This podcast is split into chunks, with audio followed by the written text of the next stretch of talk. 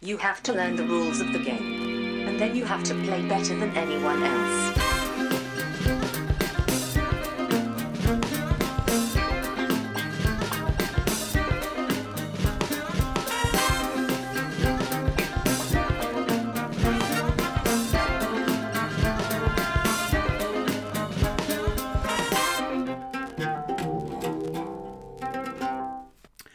Hej och välkomna till Vems tur är det mellan turerna? Podcasten där vi pratar om spel. Jag heter Marcus Brisman, med mig har jag som vanligt min bästa vän och kollega, Cloak till min dagger, Johan Gärderud. nice. Ja, man, den tänkte man att han skulle komma förr eller senare. Ja. Och så tänkte jag att med tanke på vad vi ska prata om så passade det extra bra. Ligger bra till i tiden, ja precis. Ja, precis. Vem är det som är klok och vem är det som är dagger då? Nu sa jag att du var Cloak till min dagger. Ah, för att det, det, återigen för att Just man säger det. dem i den ordningen. Så att det, det spelar ingen roll Ja, egentligen. Då blir det jag som har en så här stor mantel som slukar upp dig så att du liksom flyttas till andra skuggor eller vad det nu är. Ja, det är din kraft. Mm. Min kraft är att kasta eh, ljusknivar så folk slutar knarka. Mm. Det, det är det jag vet om Cloak. Jag vet väldigt lite om dem egentligen. Men jag, som jag minns det så, så när de var med i ett nummer av Spiderman då, eller Spindelmannen som det hette när jag läste det. Så eh, kom hon fram och så bara sluta knarka, sa hon och så kastade hon knivar och så träffade de i hjärtat på folk och bara åh, jag ska sluta knarka tror jag. Vi kan göra mycket gott. Ja, precis. Jag vet bara dock inte vad kraften är egentligen. Nej, Nej, det är väl lite och Du kan oklart. teleportera med din jävla Cloak. Det är Ja. ju fräckt i alla fall. ja, det är lite fräckare skulle jag vilja säga. Även om att så här, eh, man kan man kan inte konkurrera med det moraliska värdet av att kasta ljusknivar Nej. i folks hjärtan så att de slutar knarka.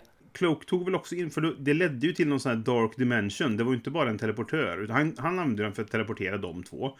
Men han kunde också svälja in folk där och så var de inne i någon sorts mörker som var jätteläskigt och så blev de Mm. rädda och så sluta knarka. Ja, just Eller det. sluta med brott då liksom sådär. Så att det, vi, vi, ja, vi kan göra mycket gott du och jag med våra fantastiska krafter. Ja, ja det, det känns tryggt. Det känns bra. Ja.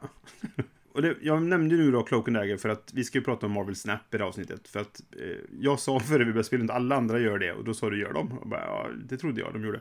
Eh, jag vet inte. Eh, Dice Tower har recenserat det i alla fall, vilket tror jag kan vara första gången de recenserar ett digitalt spel överhuvudtaget. Mm. Eh, och i ehm, oh, den här andra podcasten som är rolig. Mm. Ja, den är bra. Eh, This game is broken. Just det. ja. Ja, Okej, De ja, nu eh, förstår jag. pratar, eh, Matthew spelar tydligen väldigt mycket Marvel Snap. Så, så att, eh, jag kanske tänkte på de två bara, jag vet inte. Ja, men det är ganska, det är en bra väg, eh, det är en bra början fram till alla. Ja, En bra start. Det, precis, det är Mm. två, två Ja, så nu fyller vi på här med vårat Ja. in, in, eh, inspel. Exakt. Ja. Men det kommer senare. Vi ska, just det. Eh, det, det är vårt huvudämne då. Så först så ska vi prata om vad vi har spelat. Så jag tycker vi går till nästa programpunkt och pratar om det helt enkelt.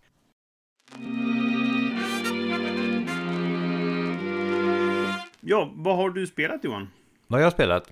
Mm. Ja, jag har inte spelat jättemycket ska jag säga. Um, Okej. jag, jag, eh, men, men jag har spelat ett spel som jag vill Mm. prata om. Eh, och det var här, jag, jag kom till en spelkväll häromdagen och eh, någon tog fram det här spelet och jag bara, men det här är ett gammalt spel. Vi har ju massor av spel från Essen som vi inte har spelat. Varför ska vi spela det här spelet?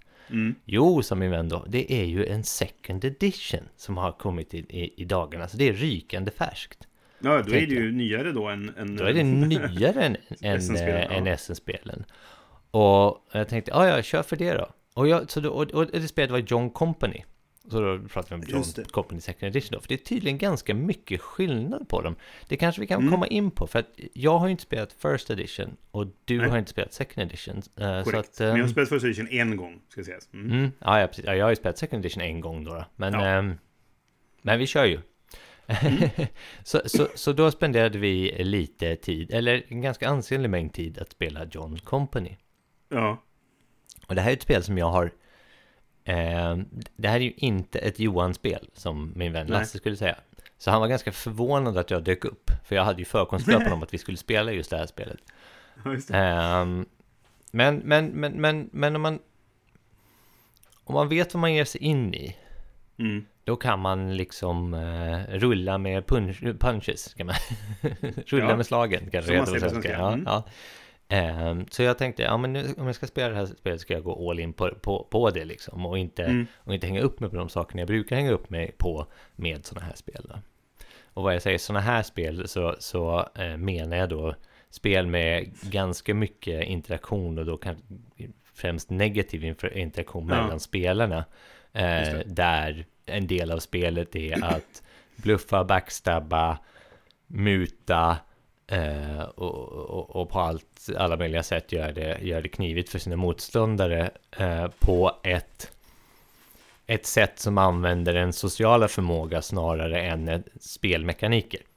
Ja, just det. Mm. Eh, den definitionen då eh, slår jag fast här då. Men ja, Mm. i alla fall. Så jag gav mig in i det här med liksom ganska... Ja, jag försökte sätta mina, mina fördomar åt sidan så att säga. Eller ja, fördomar kanske inte är rätt ord. Men, men, men du förstår vad jag menar. Vi har ju pratat Ja, om. John Company lite tidigare här och eh, Just det. jag, jag, vet inte, jag vet inte, du hade väl ungefär lite samma eh, vad ska man säga, eh, approach när du spelade det va? Alltså, så ja, alltså, min omgång, bara kortfattat då, för den är ju lite i sig i- infamous, i, Ja. som man säger på svenska, i våra kretsar. Mellan, hos dig, mig och Åke till exempel. Vi pratat en del om detta. För det var, vi var på Briskon, vi skulle spela detta. Och det var jag och, och eh, Åke och min kompis Jocke. Och Staffan, tror jag. Och kanske någon mer. Och vi skulle säga, och Åke förvarnade, om det här kommer ta lång tid och så vidare. Och alla gav sig in på att, ja men det, vi, vi, säger, vi, vi kör detta nu. Och jag tänkte att det här är nog inte min typ av spel, men jag vill vara med och testa liksom. Eh, och vi var beredda på att det skulle ta fyra timmar eller någonting. Och sen så, det första som händer är att min släkt hade en fördel som var så här, jag var bra på den här grejen. Eh, någonting som hade med båtar jag kommer faktiskt inte ihåg exakt vad det var. Och det första som händer är att Åke säger att ja, vill du bygga båtar då får du minsann betala mig. Och sånt där hatar jag. Det, jag. det, jag ser rött när jag hör sådana grejer. ja. Eh, vi pratade om det sen då och, och jag sa så här att hade du sagt istället att kan vi göra ett samarbete här? Eh, att du ger mig lite extra så, så bygger vi båtar tillsammans eller vad det nu var. Det kan jag acceptera, men när någon säger ge mig annars, liksom, då blir jag så här "F- dra dit pepparn växer och så vill jag inte vara med på det. Vet du, jag hade exakt samma reaktion när jag spelade Ja. det här spelet. Att typ, Okej. för det, det är ju verkligen sådär att liksom Ingen gör någonting utan att liksom få någonting för det, någonting typ Nej. under bordet. Eh, och, och, Men för, för mig handlar det lite grann om, om hur man lägger upp den, den dealen. ja, jo, Och när man lägger jag, upp dealen jag som förstår, att- precis, verkligen. Ge mig annars jävlar, liksom. Det, det gillar jag inte. Eh, och, och, och det kände jag också den, ganska direkt i det här spelet, att, att, Mm. eh, eller i den här omgången, att jag liksom så här. Jag eh, tänker så här, okej, man, vi, kan, vi kan säga vad premissen av spelet är. Man, man startar ett eh, typ Ostindien-företag någon gång på 1700-talet. Eh, Mm. Man är ett antal familjer som har gått in i det här företaget då från den brittiska typ aristokrati- aristokratin. Eh, och då får man, eftersom man är då typ delägare i företaget så får man olika poster i företaget och, och de här kan, kan bytas eh, under tidens gång i spelet. Men man ska Just skapa egentligen ett handelsbolag eh, och få det att bli liksom Framgångsrikt. vinstdrivande, ja precis, Mm, mm. fram emot slutet då, samtidigt som man såklart ska försöka stoppa så mycket pengar på egen ficka som möjligt. Ja. Ehm, så det, det är ett kooperativt spel, men man vinner individuellt. Det är semi-co-op som man säger. Ja, precis. Så, ja, jag vet, det, det är typ det, det, det, mest icke-koopiga koop Ja, som jag ja, någonsin precis. spelat i alla fall. Mhm. Men, Mm. Så jag tänkte så här, jag började då eh, som ordförande för det här företaget och jag tänkte så här, okej, realistiskt sett så kommer ju ingen, eh, vi kommer ju inte tjäna någon på oss om inte företaget går bra i första hand, liksom. Så jag Nej. tänker man kunde spendera ett par runder, man spelar fem runder när vi var, vi var fem, fem pers, så spelade man fem runder. Mm. Ehm, så jag tänkte, okej, f- försökte jag säga till alla då, typ att ja, men nu, nu, nu fixar vi, nu, nu etablerar vi våra trade posts och nu fixar vi här. Eh, och då vill jag att vi ska göra så här, för som, som, som ordförande så har jag budgeten. Liksom. Eh, och alla bara, ja, ja, mm, ja, jättebra. Och så fördelade jag budgeten, och så fort de individuella posterna började få sin budget så gjorde de sig precis tvärt emot vad vi hade sagt. Liksom. Eller, eller Ja. började direkt agera i egna, i egna liksom, eh, vinningssyften. Mm. Eh, och man blev så här, ah, facepalm. Och, och, då fick, och då sattes det ju liksom den tonen i spelet direkt då. Och, och, det, Ja, och, ja, och, det var, Mm. och det var det här tyckte jag också, det här negativa som, som du sa, att det var liksom inte så här, det var det här lite snikna, det var inte så här, ja men nu skapar vi en allians. Alltså typ man, man jag, jag har inget emot att bli backstabbad, eh, men, eh, Men, men det var så öppet och direkt så jag blev så här, okej, Mm. nu, nu är det det här vi pratar om liksom. Och det, Ja, ja, visst. Ja. Men då tänkte jag, eftersom jag gick in i det här med ganska öppet sinne så kände jag, okej, fine, let's go with it. Mhm. Så, så det var faktiskt inte helt tråkigt liksom, Nej. ska jag säga. Nej. Glowing review sådär. Ja, eller hur? Och, och vad det är då, då är att man har de här olika posterna i, i företaget. Eh, man sitter på, eh, som sagt då, ordföranden i företaget, han, han eh, bestämmer lite olika saker om budgeten och i slutet på året också om det blir någon aktieutdelning. Eh, och det tycker man ju borde alla vara måna om, men det finns så olika saker som, som kan hända där det inte är en bra sak. Liksom, framförallt måste företaget gå runt, för att om företaget går omkull, vilket mycket väl kan hända, då Mm. tar spelet slut. Och eh, eh, alla som äger aktier i företaget då, vilket är typ alla från början, Mm. får minuspoäng. Ja, ja. Eh, och poängen är inte pengar, men poängen är saker man kan köpa för pengar. Så att det finns ett visst vinstintresse att stoppa pengar i egen ficka. Just. Eh, och oftast så är det ganska mycket i konflikt med att låta företaget liksom få de pengarna istället. Ja, precis. Så Mm. man får försöka på något sätt väga däremellan liksom, okej, hur mycket pengar kan jag få ut av det här och, och så att företaget liksom går med vinst då, eh, samtidigt. Ehm, Mm. och, och ibland kanske man bara skiter i det där. Mm. Ehm, men men och, och jag, ska, jag ska fortsätta förklara lite på rollerna och sen så de, de aspekterna av spelet som jag eh, som hörde till. Eh, ja, jag, jag, jag, jag racear hela tiden känner jag. Eh, jag måste ta- ett steg tillbaka för det här var en så, det här var en så stor upplevelse. Mm. Det finns en, en master of ships som kontrollerar var man sätter skepp i Indiska havet runt om, runt om Indien. Då. Eh, Mm. Så finns det en master of military som, eh, och en master of trade också som kan öppna trade posts. Och varje, varje person har ett eller flera av de här ämbet, ämbetena. Och eh, ordföranden tilldelar de här ämbetena en budget för vad de ska göra. Mm. Det pratar man lite om i förhand. Men, men som jag säger, den diskussionen är ofta det händer någonting helt annat med de pengarna än vad man, än vad man pratar om dem. Ja.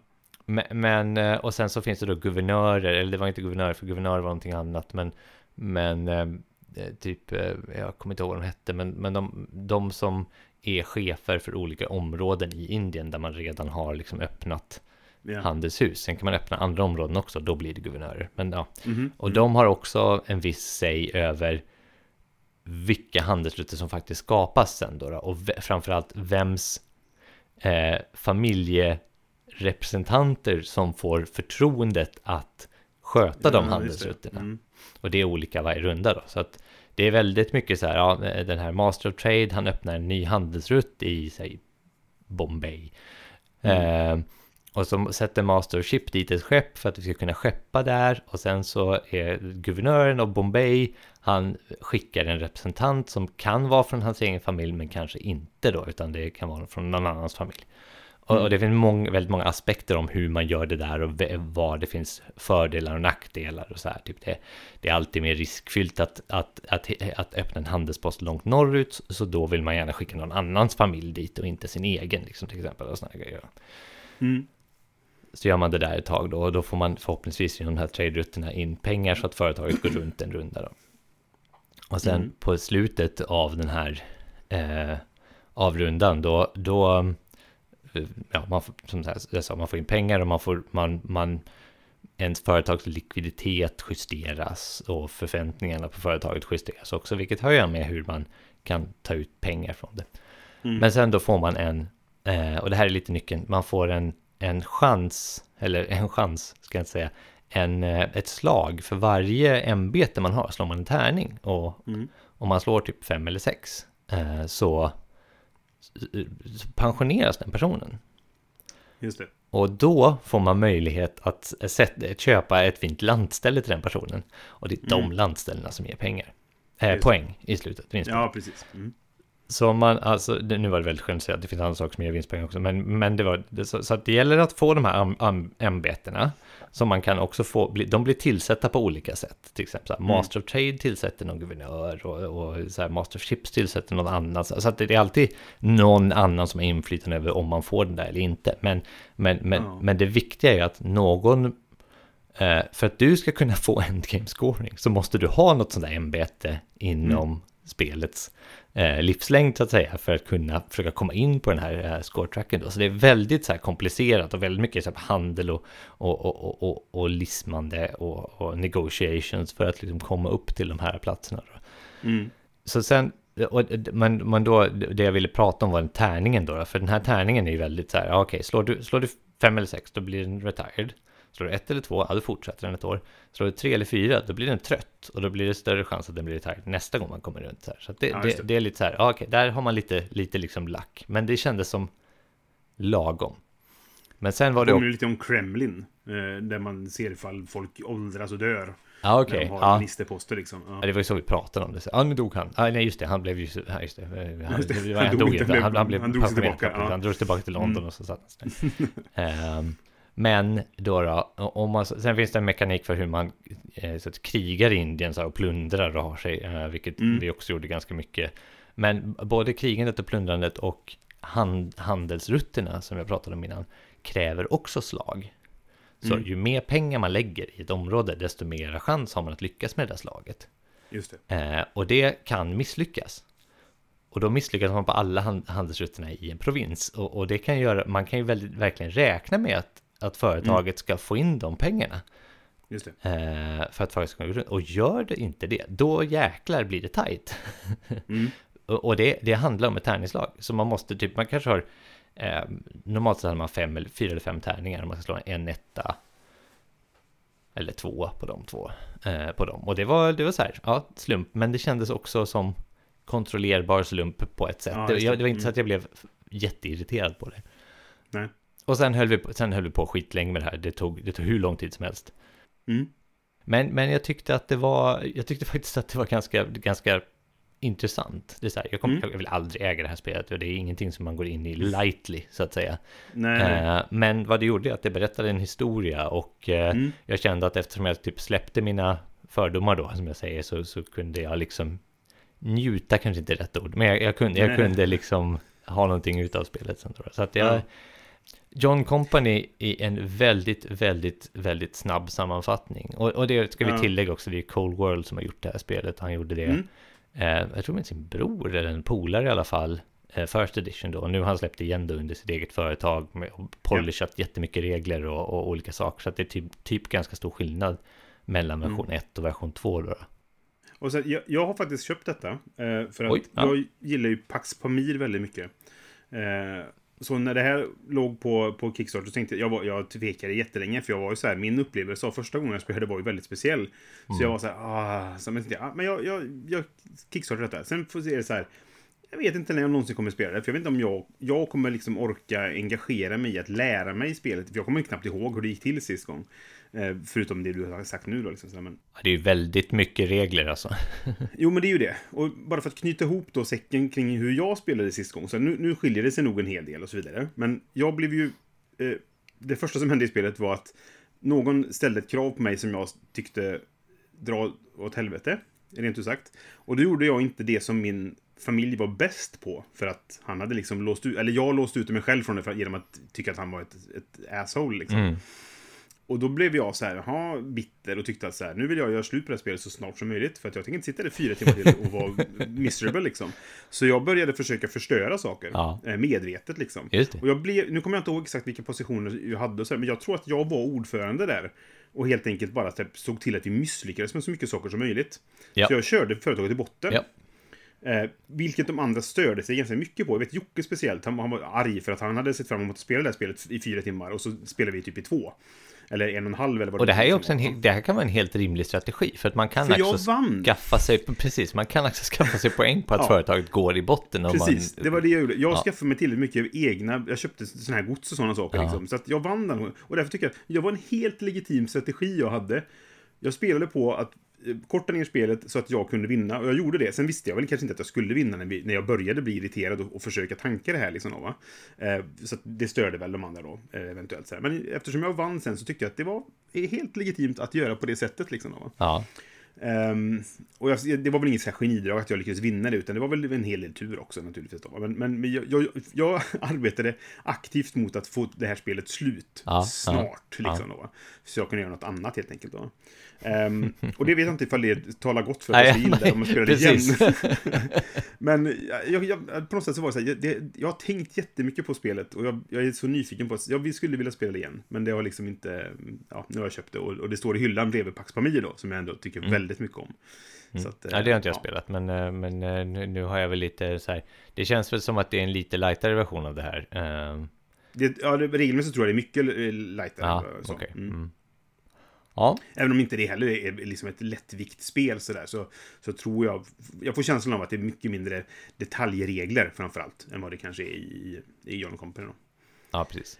Eh, en sak som är väldigt, väldigt, ehm, som, jag, som jag inte tyckte om med spelet, kan jag säga, var Mm. att ehm, när, man, när man får den här chansen att pensionera folk och sätta dem i, i olika slott i England, Mm. Då eh, får man eh, Windows.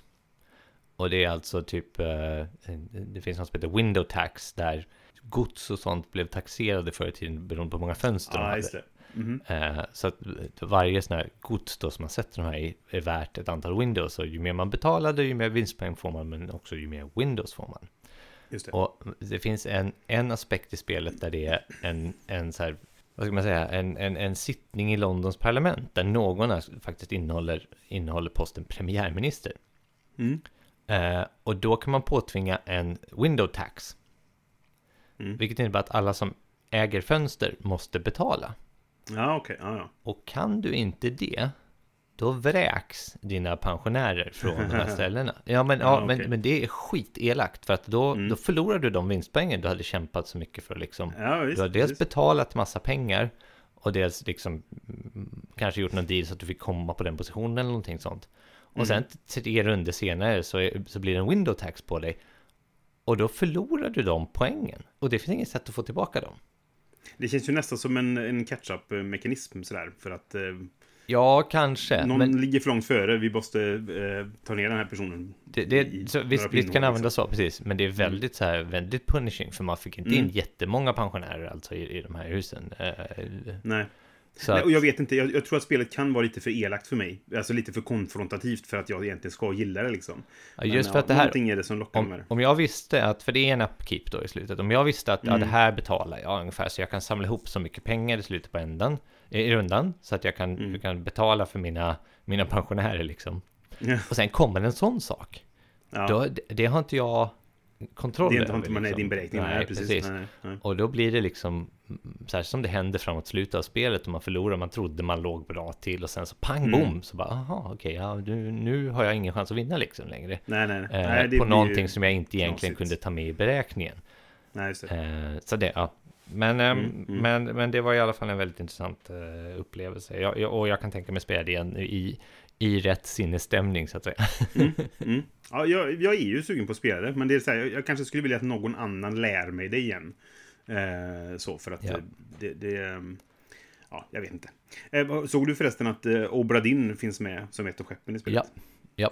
Vilket jag tyckte var lite kul. Ja, det är roligt. Tydligen är det så att ehm, det finns någon sån referens i varje Mm. Cold World-spel till, till Jo, precis. I Pax Famir är ju han, eh, vad heter han nu då, den här eh, kända äventyren som spelades av Sean Bean i någon serie. Eh, kommer inte ihåg vad han heter. Men någon Ja, ja. Um, Longman vill jag säga, det hette han inte. Hornblower? något- Nej. Horn, nej, han kanske var med också i och för sig. Eh, Hornblower. Men ja, han kanske är med i detta Hornblower, eventuellt. Eh, Sharp heter han. Eh, Sharp, ja. Just det. Jag fick googla. Men ja, så han, han är med i Pax Famir om jag kommer ihåg rätt. Hur som helst. Det är om det. Eh, ja, jag har också spelat någonting Yes. som är betydligt mycket eh, simplare än eh, John Company. Ett spel som heter Akropolis.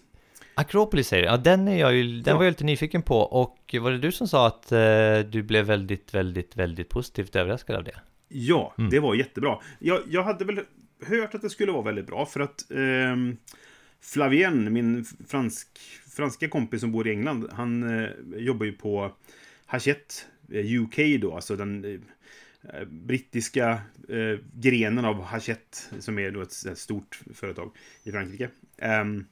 Just. och han har pratat sig varm om detta eh, och därför tyckte jag att jag ville prova det helt enkelt. Då, va? Så jag hade väl en aning om att det skulle vara ett bra spel.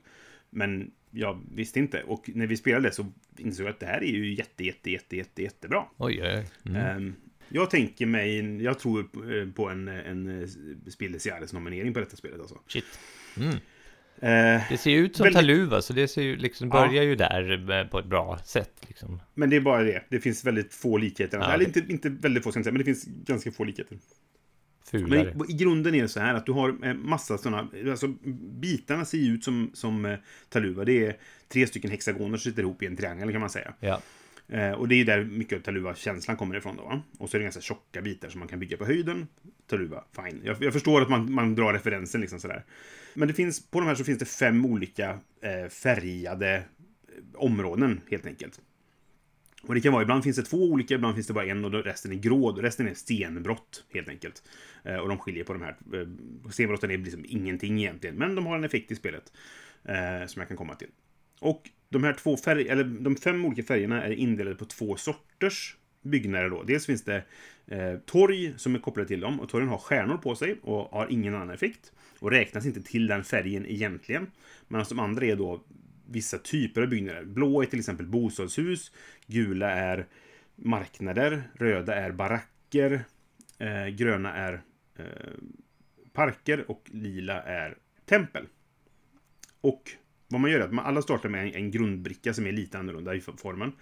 Och sen har man ett antal högar som är baserat på hur många spelare, eller hur många brickor som är i varje baserat på antalet spelare. Men antalet högar är konstant för att det är liksom det som räknar ner. Så man, man tar en hög varje runda, lägger upp alla brickorna i en rad. Och sen så på din tur så får du välja en bricka. Vill du ha den första som ligger längst fram i kön så att säga så är den gratis. Annars får du betala stenar för att hoppa över då och kunna ta det du vill ha. Sen måste du passa in den Direkt i din, ur eh. Suburbia. Ja, precis. Mm. Fast eh, i... Nej, just det. Nu tänker jag på eh, Castle of Malcolm Luke. Det är där du betalar till någon annan. Ja, just det. Här är det bara en... en ja, just det. Ja, men det, det är lite liknande. Ehm, förutom att... Ja, strunt samma. Du tar den här brickan, lägger den i din stad. Och då kan du antingen bara lägga den kant mot kant. Du måste matcha minst en kant på en hexagon helt enkelt. Ja. Eller så kan du bygga på topp uppåt då. Då måste du, likt i Taluva, bygga på minst två brickor. Ja. Men det finns inga så här vulkaner och sånt som man måste bygga på ett speciellt sätt. Du får vrida hur du vill. Mm. Liksom. Varje eh, stenbrott du täcker över får du en sten för. Så det, där får du mer valuta Mm. eh, till spelet. Och de är även poäng i slutet på spelet då. Okej. Eh, det man har kvar liksom. Sådär. Eh, bonuspoäng kan man säga. Ehm, och sen är det, varje de här färgerna har en viss placeringsregel som gäller för dem då. Alltså bostäder får du poäng för det största sammanhängande området, de är blåa brickor helt enkelt. Mm. Ehm, marknader vill inte ligga bredvid varandra, så att det får du bara poäng för dem ifall de inte ligger bredvid en annan marknad. Baracker vill ligga längs ytterkanten, så de måste ha minst en kant fri för att de ska ge poäng. Tempel vill ligga mitt bland folket, så de måste vara omringade. Eh, och parkerna ger inget, de har inget krav, utan de ger poäng oavsett hur de ligger. Liksom, va? Ja. Eh, och sen är det så här, när, du, man, när man är klart med en omgång så lägger man upp nya brickor och så är det, fortsätter spelet bara runt, runt, runt. Liksom så här, va? Och när spelet är slut, då räknar man poäng för varje, varje eh, färg. Men du får då färgen som det är. Så att säga att du, ditt största bostadsområde till exempel är eh, sex brickor stort. Eh, då multiplicerar du med antalet eh, blåa torg, eller antal stjärnor du har på de blåa torgen. Så du måste skaffa båda sakerna. Ja, ja, okej. Och de finns oftast inte, eller aldrig tror jag, på samma bricka. Ah, så jag, ja, ja. jag, måste liksom ha en balans med vad jag skaffar hela tiden. Att säga, nu får jag skaffa ett torg här, för annars får jag inga poäng alls för alla de här blåa brickorna jag har byggt. Liksom, då? Eh, och sen är balansen där olika mycket också. Det finns mycket färre gröna eh, rutor till exempel. Eh, och därför så är eh, multiplika multiplikatorn på den gröna torgen är alltid gånger tre. Det är alltid tre stjärnor på dem helt enkelt. Mm. Eh, och det finns en sån här handy dandy sheet där, där det står vad, hur mycket som finns av varje. Det här påminner mig också då- om någonting. Ja. Det är nog inte helt ovanligt som regel sådär i allmänhet då. Men sen är det då eh, extra Taluva-kopplingar. Man kan bygga på höjden som sagt. Ja. Och eh, torg med stjärnor på högre upp, det, de har ingen, det spelar ingen roll. Liksom, bara de syns så är de, är de en stjärna så att säga. Då, va? Eller flera. ja, just för man kan bygga Men- över och täcka över och sådär så att man Precis, man, exakt då. precis. Men alla andra räknas som två om de är på nivå två. Eller tre Ah, om de är på okej. nivå tre. Eh, Så att, eh, om jag har liksom ett, ett blått område som är på flera olika nivåer, då kan det bli ganska stort. Mm. Och sen gånger då antalet stjärnor jag har. Och så vidare. Liksom då? Ja, ja. Och det, det är så simpelt. Nu, det här är nästan alla regler som finns i spelet. Det Mm. Ja, finns nej, lite till. det- Och det finns ett, ett, så här alternativsätt att skåra saker som man kan göra att man kan utveckla spelet då. Men, men det här är väldigt enkelt. Men det är väldigt mycket att tänka på och liksom finurligt och hur man ska liksom jobba med kring det här. då. Och just det här, vad kan jag ta vad, nu? Vad har jag råd att hoppa över för att få den perfekta brickan? Liksom, det är inte jätteinteraktivt, men det finns fortfarande ett mått av att det där vet jag att du får. Du får väldigt mycket för det där. Den skadar inte om jag tar den till mig, liksom. Jag kan fortfarande ha nytta av den. Så man kan hate-picka lite grann. just så, det. Mm. så det, det, är, det är inte helt liksom, solitärt, utan det finns en, en, en del interaktion också. Liksom, då? Men som sagt, väldigt enkelt, men mycket, väldigt snillrikt. Det här, mycket spel i Ja. liten låda, liksom, som jag gillar. Eh, Ja, men jag kan, jag, kan, jag kan förstå bara genom att höra dig, eh, genom att Mm. lyssna på dig eh, beskriva det här att det här är någonting som är um, sådär ja, enkelt och tight liksom som, Ja. som, som, Ja, eh, verkligen. som verkligen funkar. Mm. Ja, vi hade jättekul när vi spelade och jag ser fram emot att spela igen. Det är ett spel som man bara kan spela, för det går fort också. Mm. Så det är nästan, nästan filler-nivå på det. Liksom. okej. Ja. Så här bra, bra eh, mellan två tung, tunga spel, eller vad det nu kan vara. Eller i början på kvällen, eller just som det. avslutning på kvällen. Liksom, då, va? Passar det väldigt bra. ja, vi spelade John Company i fem timmar, så att eh, och då Ja, blev vi nästan klara. annat. Eh, precis. Ja. Du skulle gjort som jag, bara köra företaget i botten. Ja, ja, och gått därifrån ut. efter två timmar. Ja, precis. Ja, Mm, precis. ja, nej, så att Akropolis har spelat Cool. och tyckte det var mycket kul också. Mm. Nice. Då går vi vidare till vårt huvudämne.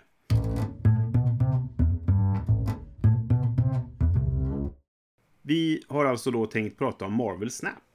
Ja, det, För det nu sitter har vi här. upp väldigt stor del av våra liv senaste månaden. Kan det väl vara? Kan det vara ungefär en månad vi har spelat? Drygt. Ja, något sånt. Ja. När släpptes det? Jag kommer inte ihåg exakt när det släpptes, men... Men eh, nej, vi har spelat väldigt mycket och eh, det, för mig har det kommit till någon sorts nivå att när jag inte kollar sociala medier, vilket jag också gör på telefonen, så jag spelar inga andra spel på telefonen längre som jag gjorde förr. Nej. När jag åkte buss och sånt, utan det är, jag kör Snap helt enkelt. ja. Om ni inte vet alls vad Marble Snap är för någonting så kan vi köra en, en liten kort förklaring på vad det är då. Det är alltså ett, ett, ett, eh, digitalt spel. Det finns både på eh, alltså till, till datorer eller till, till telefonen. Vi kör på telefon. ja. Eh, det är Marvel-baserat, som man kanske förstår, så det är väldigt mycket Marvel-karaktärer och sånt. Och det är bara där är jag intresserad, för att jag tycker det är kul Det är Marvel. sålt redan där till dig, ja. Ja, just det. Ja, men lite så. Eh, sådär. Eh, men vad det är, att det, det är lite som ett, ett digitalt samlarkortspel kan man säga. Eh, du, du kan inte riktigt köpa kort på det sättet. Du kan köpa valutan som du sen kan få kort genom via en liten om... Ja, invecklad inbyte ska man säga. Ja. Eh, vad, vad det är att du, du får en grundlek helt enkelt och sen kan du få fler kort sen. Vi kan förklara lite sen hur, hur exakt hur det går till då, men men hur, hur spel, själva spelet går till att du har de här korten, du kan bygga en lek. Eh, när du får nya kort så kan du bygga om dina lekar, du kan bygga hur du vill egentligen. Eh, och sen så, du, du, har, du bygger en lek som består av 12 kort och sen så eh, slumpas en match. Du, du säger jag vill spela match och då slumpas en motståndare mot dig. Så än så länge så finns det inget sätt att välja vem man spelar mot. Så jag och Johan har aldrig spelat mot varandra. Ehm, så. Och varje match består av tre stycken eh, locations, alltså tre stycken platser. Och de är också slumpade och alla har en specialeffekt. Som kan vara en kontinuerlig effekt, eller en engångseffekt, eller en negativ effekt, eller en positiv effekt. Vad det nu kan vara. Liksom, va? Yes, Och de avslöjas en tur i taget. just det. Eh, och sen påminner det lite grann om Hearthstone om man har spelat det. Där man får eh, en viss eh, alltså poäng att spela för varje runda. Du börjar med en poäng, nästa runda två så har du två poäng, runda tre så har du tre poäng. Och alla korten kostar då en, en, en viss energikostnad kostnad att spela. Det är de poängen då. Du spelar, du spelar också fem runder kan vi tillägga. Ibland sex. Nej, du spelar sex runder, Eh, sex, ibland, ibland sju. sju. Ja. Ja, precis. Eh, och man, man, vad du gör helt enkelt, på din tur så väljer du, jag vill spela det här kortet för det har jag råd med. Och jag vill spela i den här, eh, på den här platsen helt enkelt. Just det. Och i slutet på, på matchen då efter sex rundor, eller sju ibland, så, eh, eller ibland fyra, för det Ja, finns det. ett kort som gör att det blir Ja, fyra också, ja, en ja. location, det finns det. Ehm, eh, så, så blir det helt enkelt, ehm, den som eh, vinner två locations vinner helt enkelt. Ja. Precis. Och är det lika, så att det blir, eh, säg att det är en location som är lika och, och så vinner man varsin, då är det den som har mest eh, kraft då på sina... Mest eh, total sina, power. Ja, precis. För varje kort har alltså en kostnad och en kraft. Alltså hur, Ja. mycket, hur starkare de är kan man säga då. Och sen kan de ha specialförmågor. Ja, Som påverkar väldigt mycket. precis. Alla, alla förmågor har egentligen en så här ganska stor påverkan på, Ja, på spelet. Eh, Inkluderat de här locations som man inte har Ja. Jättemycket kontroll över. nej men precis. Eh. Det finns ju vissa karaktärer som gör att du kan ändra på vad det är för location. Du kan ta bort effekter från locations och du kan ändra till en annan, men då har du ingen kontroll över vad det ändras till. Nej. Så det är fortfarande på slump liksom. Precis. Ehm, och vissa locations är väldigt dåliga för vissa lekar och vissa är väldigt bra för vissa lekar och sådana saker. Precis. Eh, jag ska plocka upp på några saker här. Först och främst, vid det här laget, om du tycker det här är intressant nu Mm. eh, och inte har hört talas om det här spelet innan, så leta mer information på egen risk ska jag säga, för det är väldigt, väldigt, väldigt beroendeframkallande.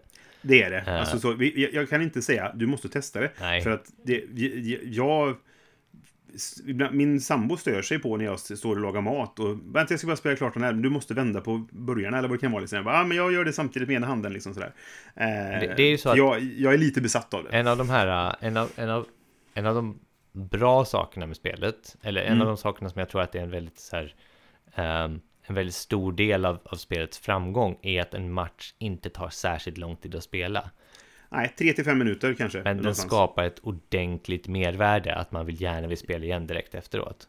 Så Ja. man tycker, man får den här känslan av att man tycker att ah, men jag spelar en match, men eftersom spelet är så väldesignat på den, på den, på den aspekten så blir det oftast två, tre matcher. Särskilt. Jo, om man att- förlorar, för Mm. man vill gå vinnande Ja. ur det. Ja, men precis. Antingen så är det att man vill ha revansch. En match till. Och det går så fort så jag kan, jag kan köra en till. Liksom, sådär. Och nu, nu, nästa vinner jag nog. Eller så är det att du känner att du vinner och du är on a roll, så att säga. Att du, ah, fan, nu går det bra. Jag kör en till, liksom sådär. Så man känner sig verkligen manad att, att spela mer. Ja. För det är så enkelt att bara köra en till. Det är så lätt att bara trycka på play-knappen, liksom sådär. Eh, och, och få en match till, helt enkelt. För att det går så fort.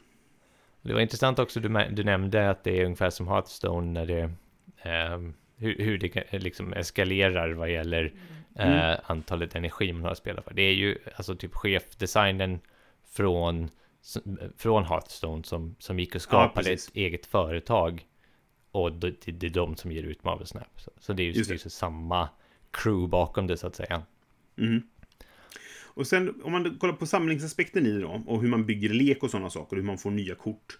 Så är det så att du har en visst antal kort från början. När du spelar en match så får du, eh, dels får du credits, som är, eh, är liksom, eh, det, det kan man få genom att göra olika saker i spelet. Genom att göra, eh, man Ja, får det så är här dagliga uppdrag. eh, typ. Mm. Ja. Och sen får du, eh, kan du vinna cubes. och det är någonting som att när man börjar, det är lite som att lägga en ante. Det kostar dig ingenting egentligen så, för du, men, men man börjar med att, att det- har en, en, en vinstchans på ett helt enkelt. Och sen har båda, det är lite som backgammon, att man kan använda den här doubling cuben och säga att jag tror att jag kommer vinna nu. Så jag snappar, det är därför spelet fått sitt namn också då. Eh, och då dubblar man insatsen kan man säga. ja, Och om båda gör det så blir det en väldigt hög insats i slutändan då. Men du kan också retirera och säga jag passar ut nu. Jag är nöjd med detta. Jag, vill, jag kommer inte vinna tror jag. Ehm, innan man förlorar för mycket liksom. Ja, men precis. Man kan backa ut då innan man förlorar för mycket. Mm. Eh, och de cubesen är också en valuta i spelet. Eh, kan man säga. Man inget man spenderar, men det gör att du klättrar i rang. Och när du klättrar i rang så får du belöningar. Ja. Eh, till exempel sådana här credits då. Ja. Och, eh, och sen får man även då, när man har vunnit en match, eller när matchen är slut rättare sagt, man behöver inte vinna den. Då får dina karaktärer, eh, vad heter det? Boosters heter de. Och boosters då, tillsammans med credits, de används för att gradera upp korten. Och det är bara en, en, en eh, visuell uppgradering. Ja. Det gör att de blir 3D och du, de får speciella ramar och tjohejsan. va? Ja. Men det gör också då att när du får sådana poäng, då ökar du din collection level. Och på jämna me- mellanrum i din collection level så får du belöningar. Och där är en av belöningarna Nya kort. att du får nya kort. Precis. Så det är så du får tillgång till flera kort att bygga dina lekar med. Precis, och credits kan köpas för guld och guld kan köpas för pengar. Så det går att köpa kort rent tekniskt sett, men det är ganska väldigt om, så här, omständig bana för att komma dit. Ja, liksom, precis. Och det är väldigt också svårt att se relationen mellan kort och pengar. Eh, Mm. För att du köper liksom guld för ett visst antal med någon mikrotransaktion in, in i spelet. Och sen så konverterar du de gulden till credits och sen så uppgraderar du du din... credits för att uppgradera. Använder du kort, credits för att uppgradera ditt, dina kort och då kan det hända att du får eh, ett nytt kort till din collection. Du kan också få Ja. andra bonusar som sådana här boosters eller mera credits eller, Eller, Du, får, du, får, du betalar credits för att få credits, Ja, vilket är precis, ett väldigt exakt. konstigt system. Men ja, i alla fall. eh, så att ehm, Ja, och du har ingen kontroll över vad du får heller, utan du, du, du får på slump. Det finns, de hade gjort det i tre stycken eh, eh, set, he- heter det tror jag, enligt deras eget sätt att kalla det. Series heter det, förlåt. ja, Eh, det kallas för pools eh, av, av spelarna, men eh, företaget kallar det för series. Och de påpekade i sin senaste uppdatering, så här, eller i, i sin senaste preview på nästa uppdatering, att så här, ja, spelarna kallar det pools, men det heter egentligen series. Vilket jag tyckte var lite kul. ja, just det. Eh, men de uppdaterade så här, så de, de första korten du får, de är från Series 1. Ja, Och sen när du kommer upp till en viss nivå, då, får, då låser du upp så att du får tillgång till Series 2. Och sen när du kommer upp till en viss nivå, som det är just nu då, då får du tillgång till Series 3. Just Men allting är slump då. Ja. när du kommer till Series 3, då har du fått alla Series 1 och 2. Men Series Men 1 går ju ganska fort att ta sig igenom. Ja, de fick du ganska snabbt. Ja. Men, men i- alltså, mitt sista kort i Series 2 var det jag ville ha hela tiden. ja, just det. Så det var verkligen det sista jag fick innan jag gick in i Series 3. Och jag var så irriterad på det, men ja, så var det i alla fall. Ja, Ehm, nej, så man har ingen, inte så mycket kontroll över vad man får egentligen. Och nu är vi inne i, i Series 3 båda två. Och det finns massa kort som jag vill ha för att kunna göra kul lekar, men jag får bara skit enligt mig då. Ja, men det är ju det är bara slump liksom. Det, det har råkat bli så. Jag kanske, jag kanske bara är bitter också. Jag kanske har fått bra kort egentligen, men jag... Jag, jag har inte känt att jag, det finns någonting att bygga lekar kring Mhm. av det jag fått hittills. okej. Eh, vilket har stört mig lite. Men det, det, det är ju bara så det är liksom. Men varför gillar vi detta då? Är det just för att det är så snabbspelat och enkelt? Jag, jag, tror att, jag tror att framför allt så är det, jag tycker att det är något, om man kommer från, från liksom eh, kortspels, kortspelshobbyn som, som jag och, och du gör, Brisse. Mm. eh, Vi har spelat mycket har vi, CCG spel, liksom. vi har spelat mycket CCG, precis, Collectible Mm. Card Games och eh, på senare tid lite Living Card Games också. Living Card Games är annorlunda för att där har Mm. du ju alla korten tillgängliga, men det är mycket lekbyggande det handlar om. I Ja. Collectible Card Games där var det så att du köpte boosters och där var det alltid ett räkort. Eh, så man samlade ju på det sättet så, men det, det ledde också till en, till en, en miljö där man inte riktigt visste vilka kort den motståndaren man mötte hade tillgängliga.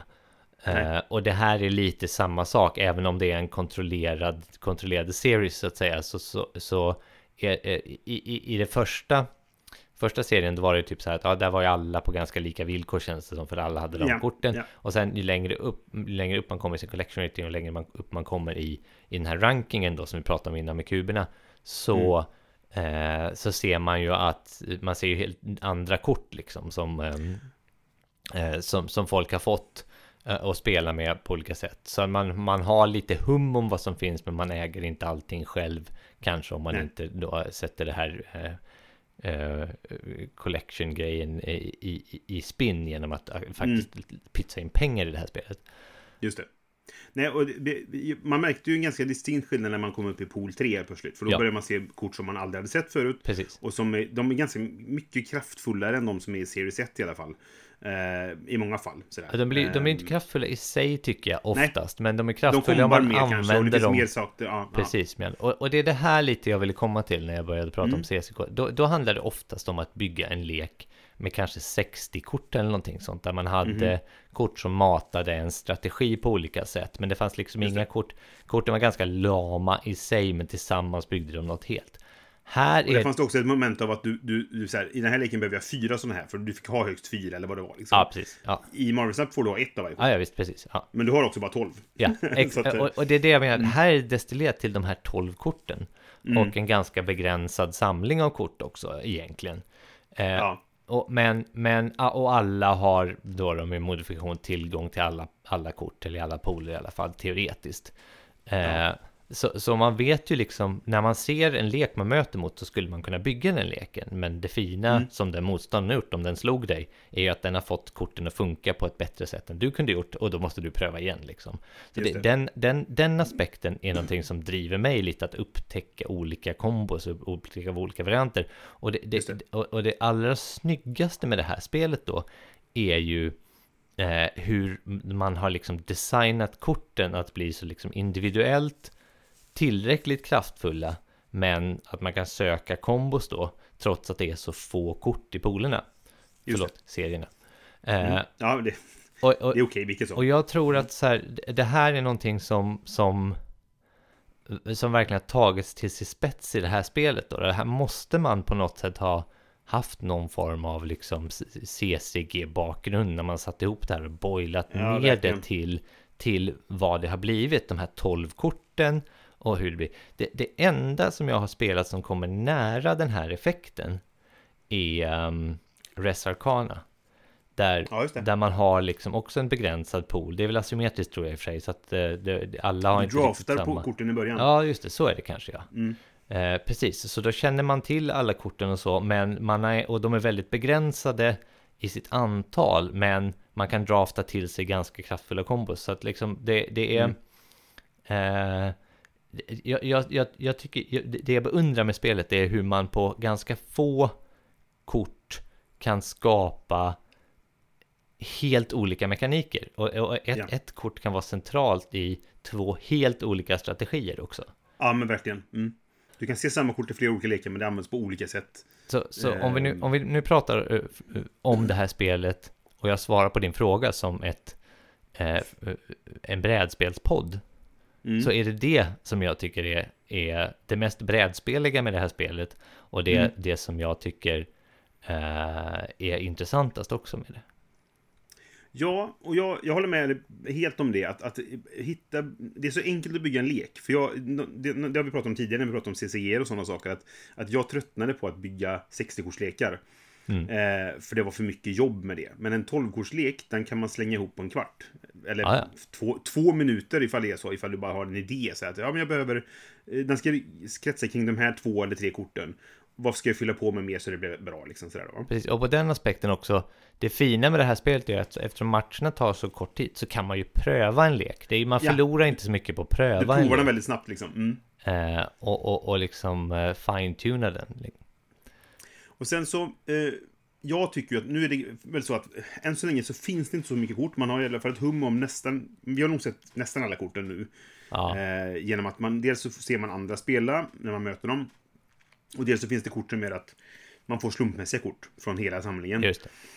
Så jag har ju spelat med kort jag inte äger egentligen då, eh, om man säger så. Ja. Ehm, Ibland så kommer man ju till, det finns en location som gör så här, typ, ja, helt plötsligt får du tio kort som är helt random. Ja. Eh, och, så, och det är motståndare också, och så ska du spela med dem liksom. Och då blir det liksom så här, okej. Ja, ja, vi kör väl liksom. Du, Ja. och då lär man sig lite de här korten som man kanske inte skulle spelat med annars då. då. Nej, man får prova på dem Ja, lite grann sådär. Ehm, nej, och, och, och det, att man... Att det finns så få kort nu som vi har ganska bra koll på dem, det gör att i en match så kan man sitta, okej vänta, han verkar spela så här just nu, han verkar ha den här typen av lek. Det finns vissa lekar som går igen ganska mycket, med kanske lite små variationer och sånt där då. Va?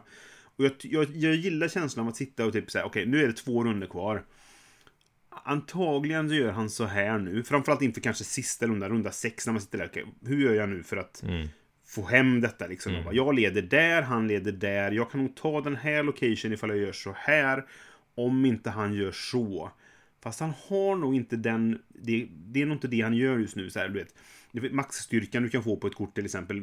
Kan man liksom ha en tum om. Det starkaste kortet är som har styrka 16 tror jag. 20. Eh, ja, fast det, det vet man ifall det kommer eller inte. För att Ja, måste du, inte ha, du, får, du får inte ha spelat någonting i rundan före för att spela, få spela Infinauten. Ja, Ska du inte, spela den i, rund, i runda 6 så får du inte spela sånt i runda 5. ja, om man inte spelar Lockjaw eller Jubilee. Så man ska nog inte räkna bort det där kortet. Men det vet man Nej, nej, inte. men alltså, han kan då inte ja. spela det. Jag vet ju om han har Lockjaw. Så jag, jag, jag kan sitta och sitta i runda 6 kan jag se, kommer han kunna spela Infinauten? Nej. Bra, okej. Då är Destroyer det starkaste han kan spela. Just det. Och kommer han kunna spela Destroyers och få 16 där? Vinner jag fortfarande ifall han får plus 16 där? Ja, det gör jag. Okej. Och så att sitta och räkna på det där. Eller, och rä- jag orkar inte alltid räkna exakta siffror då, men man kan ha ett hum om i alla fall så här, kan jag ta hem det här alls? Ja, ja. Eller är det kört redan? Ska jag bara retreata istället och, och, och bara förlora en cube eller två istället för åtta som det kan vara det för man har gått all in liksom. Mm. Och det där med snappandet, det tycker jag det är en extra krydda i spelet. Ja, jag läste en, en Ja, ja. artikel av, av Jeff Engelstein häromdagen. Där han skrev att han gillar verkligen inte snap-funktionen. Han tyckte den var jättefånig. Men jag tycker den ger någonting extra. ger ju en det är lite nerv, som liksom. poker. Ja, precis. Det, det är en nerv. Det, och det är lite som poker. De, de har Mm. infört nästan ett, en liksom pokergrej utan att det faktiskt är riktiga Precis. pengar du spelar om i ett CCG. Ja. Och det, jag, det är så spännande att sitta typ så här, ska jag snappa nu? Är det, är det värt att, att göra en snap? Jag, jag är tyvärr alldeles för dålig på att göra det. Må, jättemånga fall där jag vinner jättestort, visade sig. Och så har jag inte vågat snappa och så vill jag skulle bara gjort det. Ja, men det, det, det, är ju en, det är en psykologisk funktion, både för dig Mm. och för, för motståndaren. Eh, Det, det är ju ofta så här, okej, man, man, ko- eller ofta ska jag inte säga, man kan komma i det här läget att jag har en ganska stark finish här nu. Mm. Motståndaren kan se att jag har en ganska stark finish på grund av de korten jag är ute. Så att snappar jag nu, Då kommer de då kommer han retreata. Ja, och det händer nästan jämt när man känner att man har ett guldläge. Ja. Då, då kommer du bara få en kub. För att de, de kommer retreata antagligen. Exakt, så därför kanske man inte snappar så att man, Nej, man låter eh, eh, spelet liksom eh, rinna ut och man, man kanske vinner och då får man en kub till en, eh, annat än att de hade liksom eh, annat än man får när de hade retirerat. Mm. Eh, så det finns det spelet också, eller också finns det det här att liksom eh, ma- man kan hitta strategiska sätt, till exempel i runda fyra eller runda tre när den sista locationen kom upp så kan man snappa för att man liksom Ja. kan bluffa och säga typ så här, "Åh, den här, hade, den här är spelade rakt in dig? i min Ja. eh, lek. Va? Mhm. Eh, så, och, och, det, och det är också så himla väl designat på något vis, att Mm. just att, att den där nerven finns i spelet. Jag har inte bluffat jättemycket, men jag har gjort det. Mm. Det har varit typ så här, jag kommer inte ta hem detta, men om jag snappar nu direkt.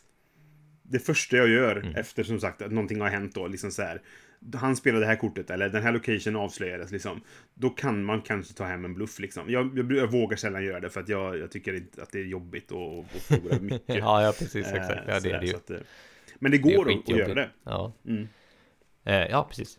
Nej, och den nerven gör, det, det ger också extra. Det är snabbspelat, det går fort, alltså en, en runda går väldigt fort och det, det är enkelt att komma in i. Och det finns en, en nerv som du säger, som jag tycker gör att det blir väldigt spännande Ja. eh, på det. Det är en fantastisk känsla att vinna en match, speciellt när man så här tar hem det från att nästan ha förlorat liksom. Eller när man tar hem det genom att överraska motståndaren. ja, Eh, den leken jag har spelat mest är väldigt stark på det. För att folk, eh, det är jätteofta jag vinner fyra kuber på att de snappar in i, i runda fem.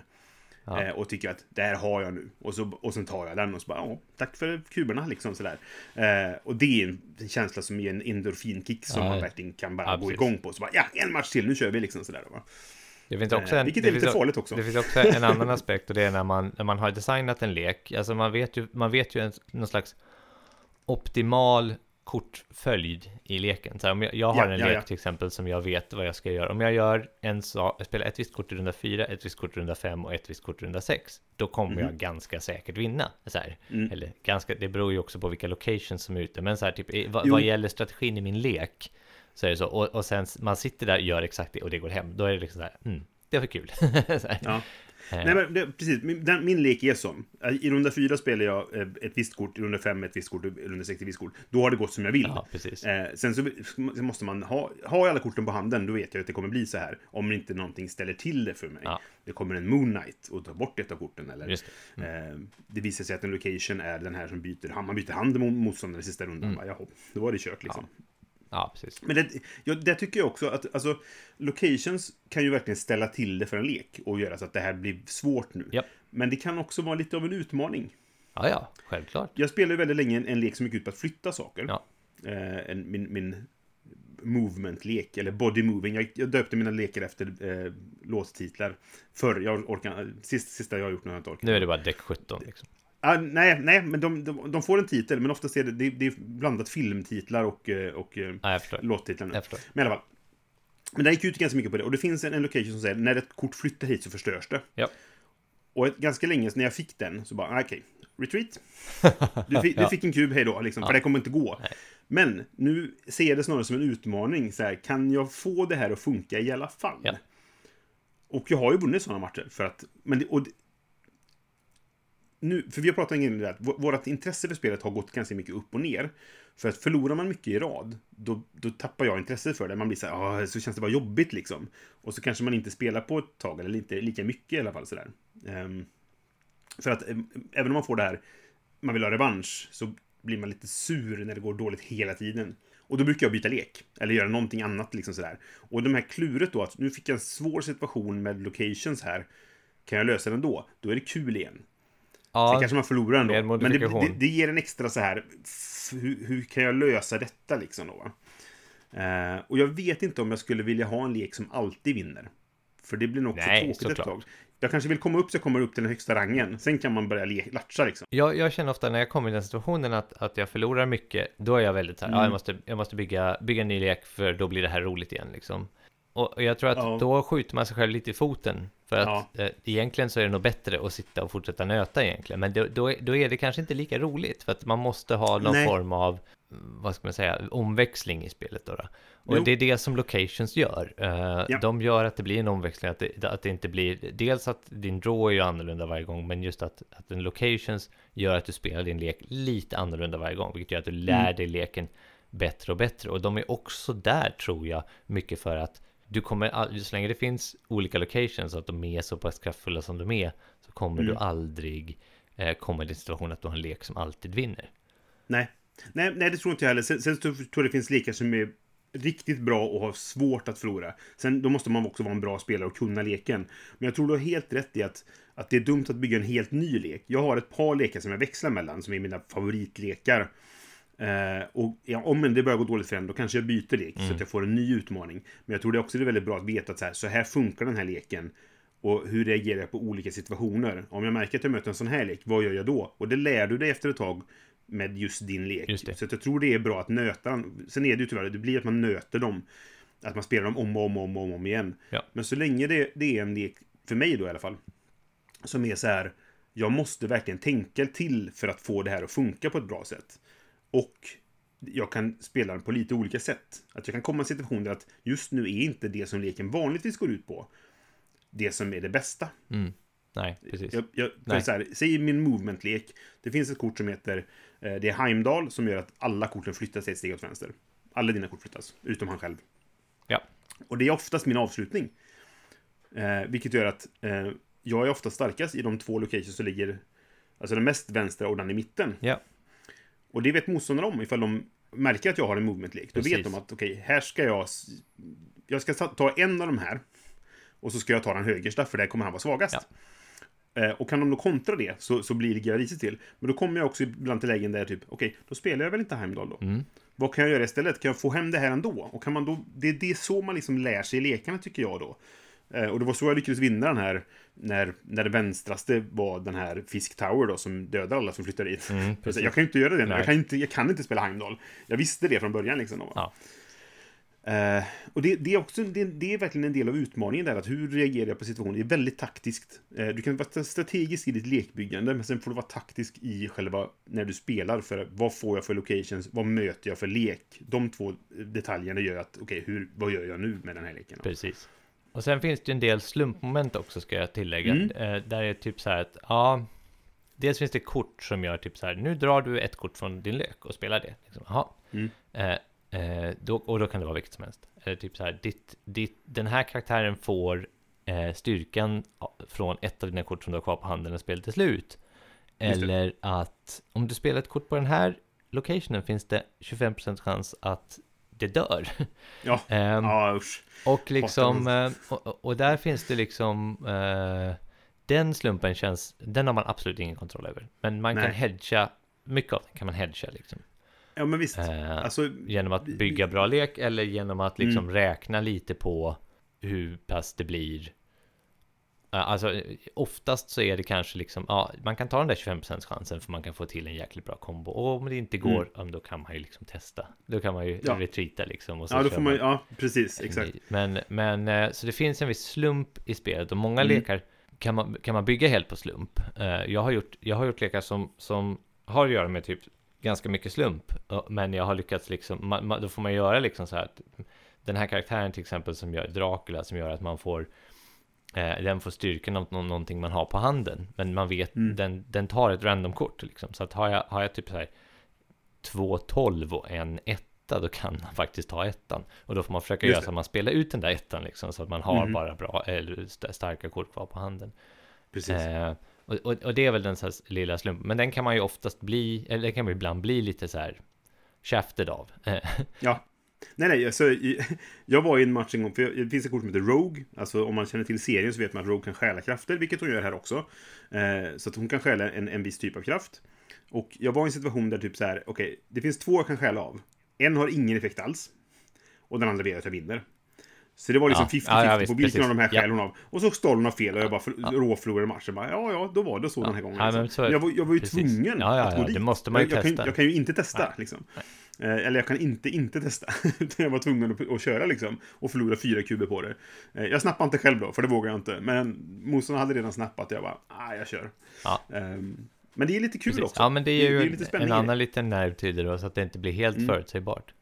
Nej, men precis. Ja, men eh, så här då, om man, om man tänker om man tänker rent så här Marvel-mässigt, du är ju, du är ju lite mera eh, Marvel-fantast än jag är, men jag tror att jag börjar, jag börjar, eh, jag vet inte, jag börjar, jag börjar refresha min gamla information nu, så att jag Ja, börjar just det, ja, komma, precis. ikapp, Ja. komma, ika- komma ikapp, om inte annat med det här då. då. Mhm. Ehm, men hur väl tycker du att liksom karaktärernas krafter speglas i mekanikerna i spelet? Alltså, vissa är ju väldigt bra. Alltså vissa är ju klockrena liksom sådär. Men som du har Rogue, hon stjäl krafter från folk. Ja. Du har Multiple Man som du kan, om han flyttar på sig, då blir han två. Ja. Eh, du har Cloak, som vi är inne på, som gör att där han ligger nästa runda får alla flytta dit om de vill. Han teleporterar alla som vill till den platsen helt enkelt. Eh, men sen är det andra kopplingar då, till exempel Craven. Nu Ja. tar jag kort som jag spelar mycket med. Som är att när någon flyttar dit där han är, då får han plus två. Just det, per kort. Vad är det? Nej, ja, precis, nej. Jag, jag vet inte liksom sådär. Eller Iron Man dubblar kraften han är. Okej? Ja, eller Ja, är Jubilee väl en- som hämtar någon från din lek, helt random. Ja, nu känner jag inte till jättebra vem, vad Jubilee, Ju, vad hennes Jubilee, grej hennes, hennes, hon är ju en eh, mutant som kan skapa ehm, fireworks. Ja, precis. Ljusshow-grej. Ja. så. Men, men det, det kan vara en personlighetsgrej där kanske mer. Ja, då, kanske. Hon kanske är väldigt, Hon är ju kompis, social. bästa kompis med Wolverine och så vidare. Ja, ja, jag vet inte. Men det, det finns säkert, my, my, väldigt mycket känns väldigt tematiskt. Ja. Men sen är det också saker som man bara typ såhär, ja, ja, okej, liksom. Men Wolverine är ju Ehm. rätt kul, så om, om han skulle dö eller bli destroyad någonstans från, då kommer han Ja. tillbaka på någon helt annanstans igen. Han, man, kan inte, man kan inte döda Nej. honom. Liksom. Ja, Och det bästa är ju att om, man död, om han blir dödad på din hand, för det finns kort som gör att man discardar kort från handen, då kommer han ut i spel. För att han... Mm, han gratis, eh, typ. Hej, det är jag! Ja, liksom, ja. Och det känns ju tematiskt. Ja. Liksom så. Jag, jag tycker det är väldigt mycket sådana saker de fått till väldigt bra. Ja, jag tycker, jag, eh, jag, på att funka. jag skulle säga, om jag svarar på min egen fråga, överlag Mm. så tycker jag man verkligen har försökt. Liksom. Ja, verkligen. Absolut. Och, och, och det gör ju såklart spelet, det ger ju en till dimension till spelet om man känner till de här karaktärerna eh, Mm. från serierna och liksom vad de kan göra och sådär. Visst. Så det är också en sån där grej som, som ger lite appeal till spelet. Det, det, känns som, det känns som att det har träffat rätt i väldigt många aspekter. Liksom så här tids, Ja. eh, tidsaspekten, Marvel-aspekt, alltså vad, vad jag menar med tidsaspekten är typ hur lång Ja. tid tar det att spela. Ja. Marvel-aspekten. Och hur mycket, hur mycket krav finns det på dig Ja, precis, innan du exakt. kan börja spela? Liksom? Hur komplicerat är det liksom Mm. sådär.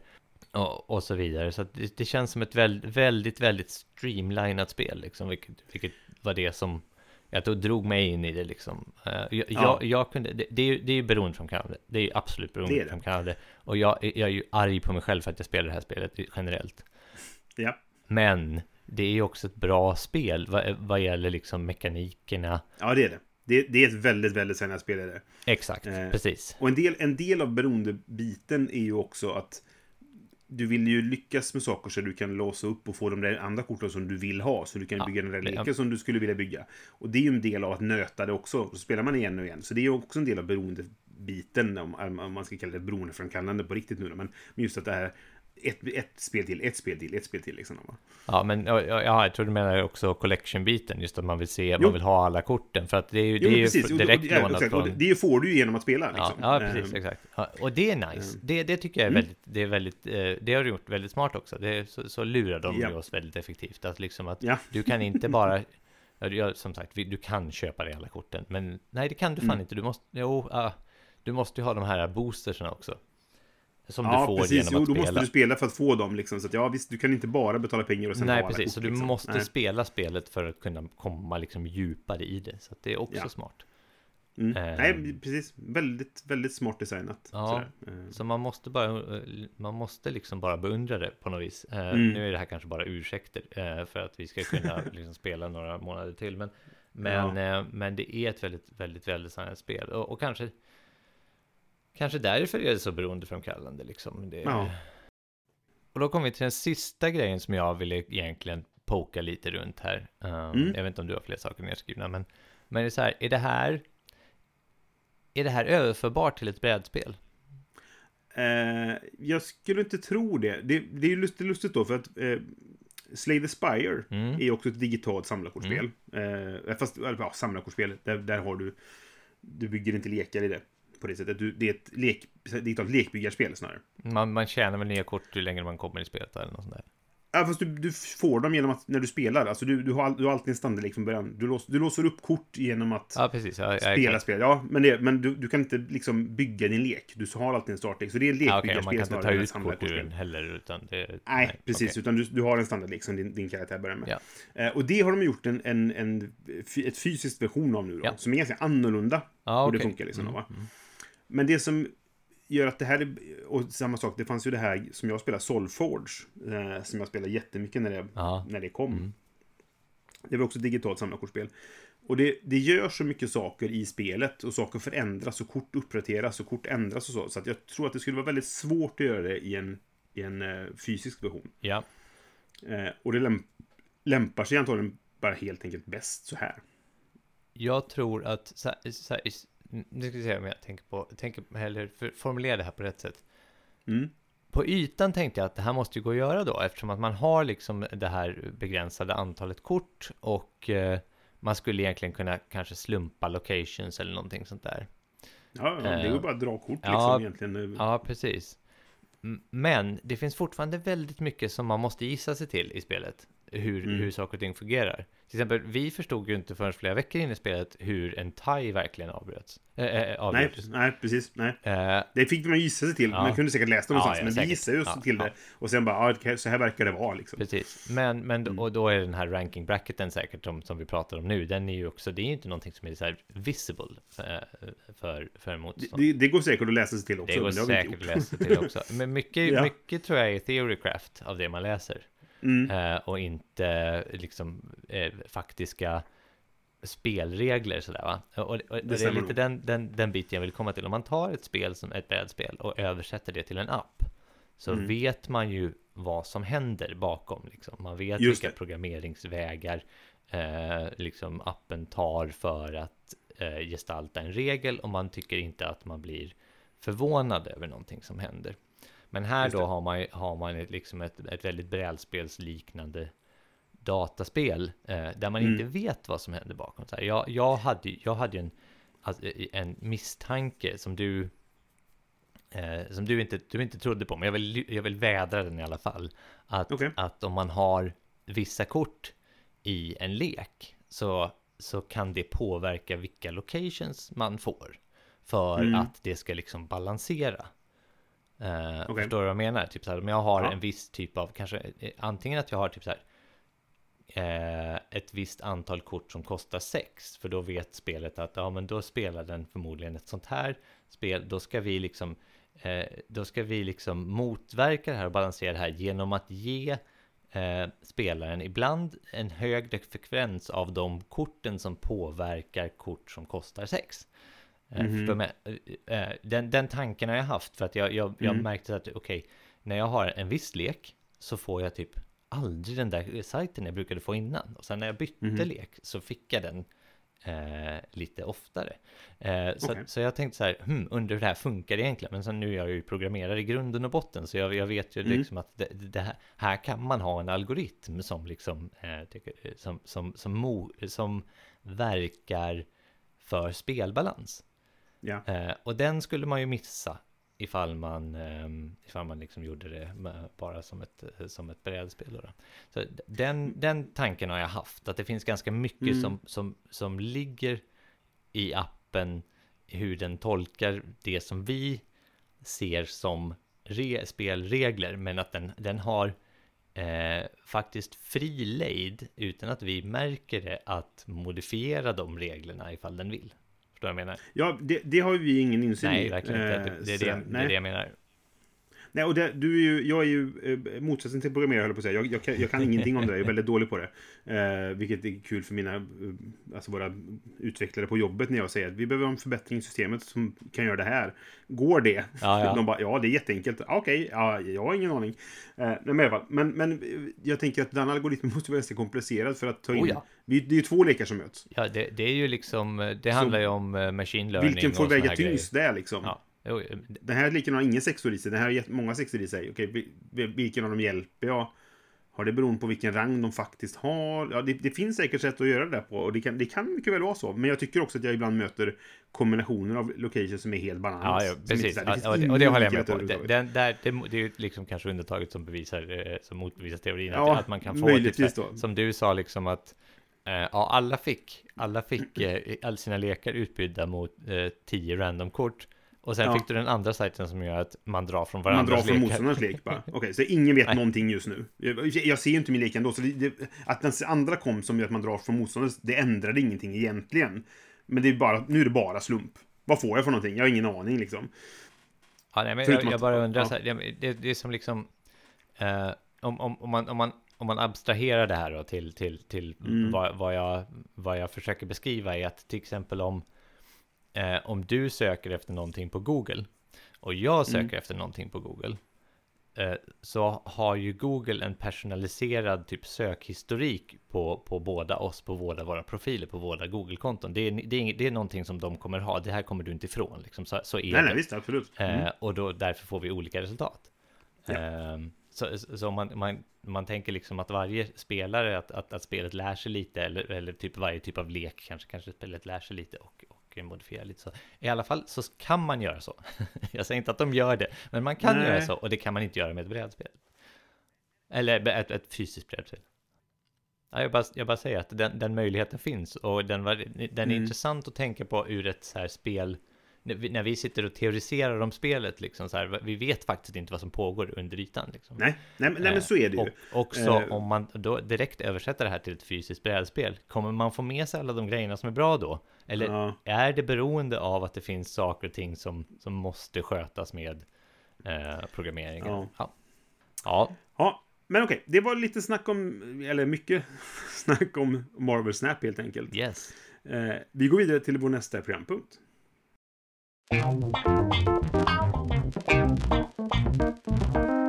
Då har vi kommit fram till inte ett speltips-tipset. Just det. Där vi ska tipsa om någonting som inte är ett spel. Ja.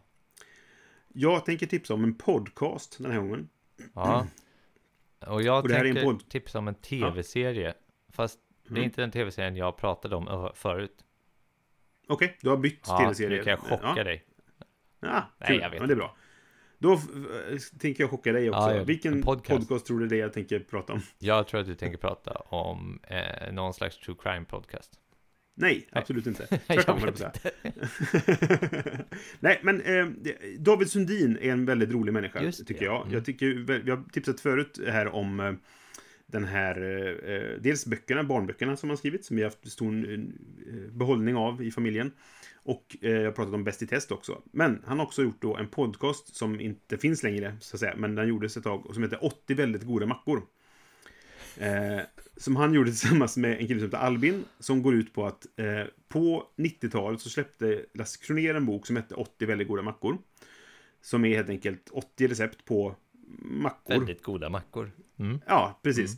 Och eh, podden går ut på att de här två komikerna då liksom ska laga sig igenom den här. De ska laga alla mackorna, smaka på dem, betygsätta dem och sen så eh, ja, men ta sig igenom alla 80 mackorna helt enkelt. Okej. Då.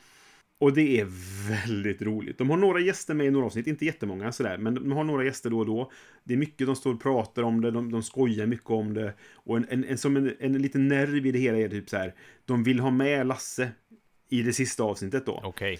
Kommer de få det Ja, eller ja, inte? jag förstår. eh, Ja. Och det är, ju, det är ju 80 avsnitt Ja. helt enkelt då. Sen gjorde de några till efteråt också. Och sen så blev det pandemi och grejer, så då, då rann det ut i sanden. Men, men, men eh, det, det är väldigt roligt. Eh, och lyssna på de här två, de är väldigt roliga, de tjatar mycket och så vidare, eller pratar mycket.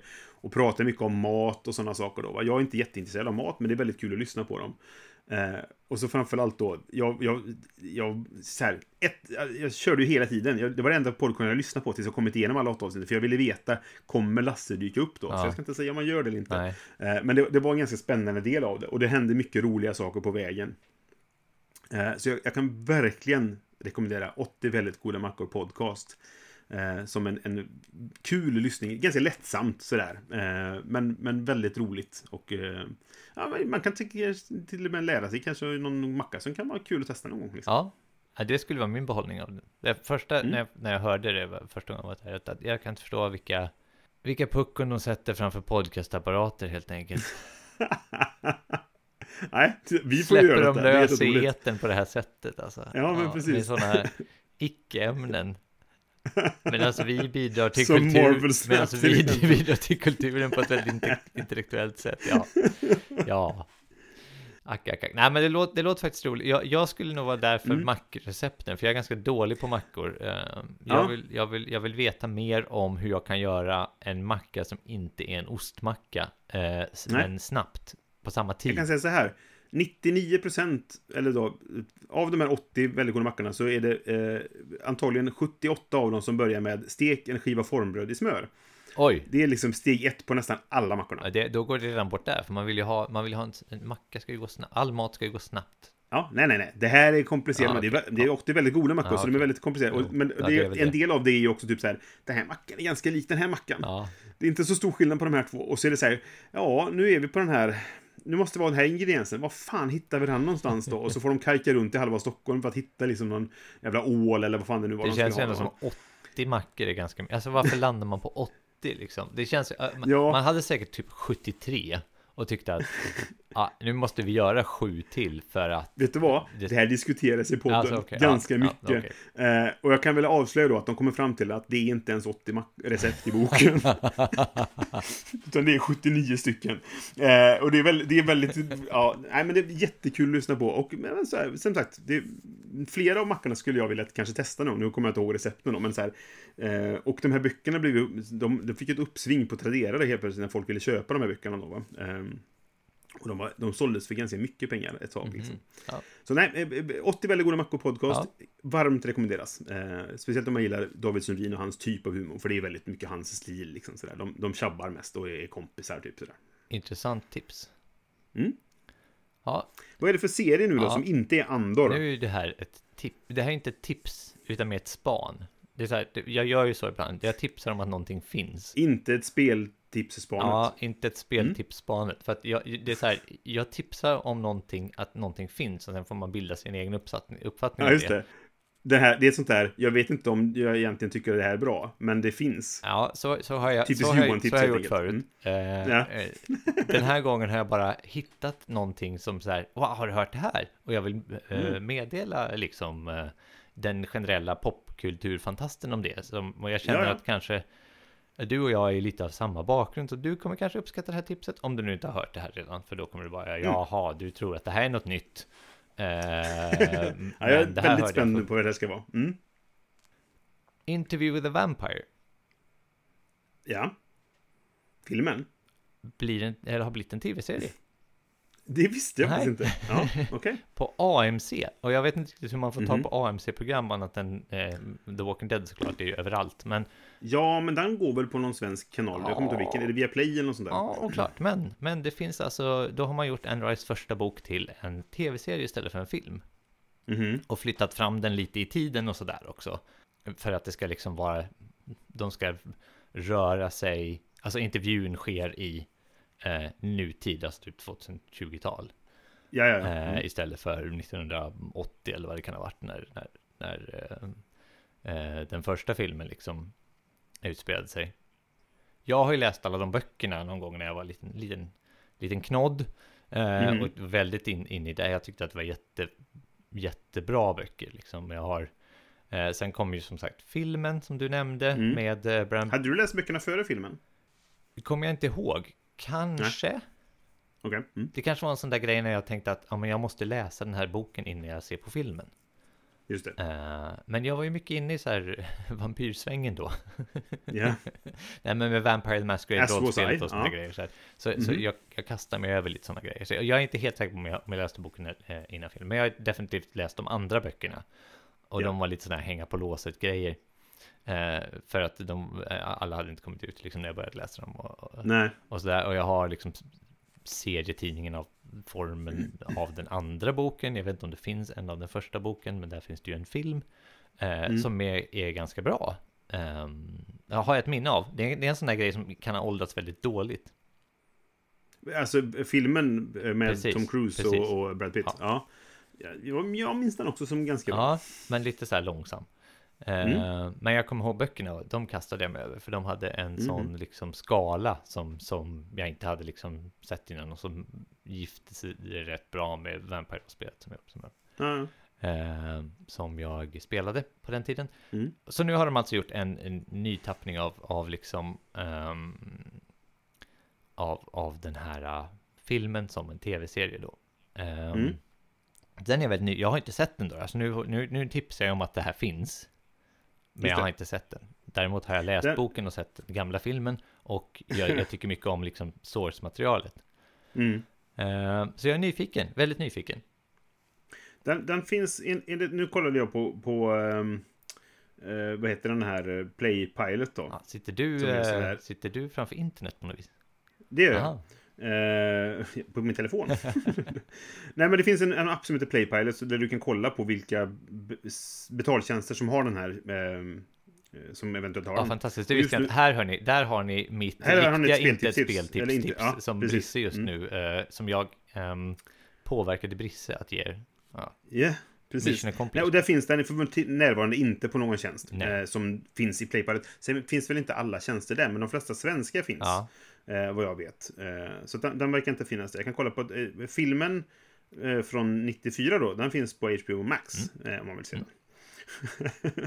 men eh, så, nej men det här blir ju, den blir lite nyfiken. Det är ju han Grey Worm. Han som spelar Grey Worm i, i Game of Thrones spelar Louis. Louis, ja. Mm. I- ja, just det. Precis. Mm.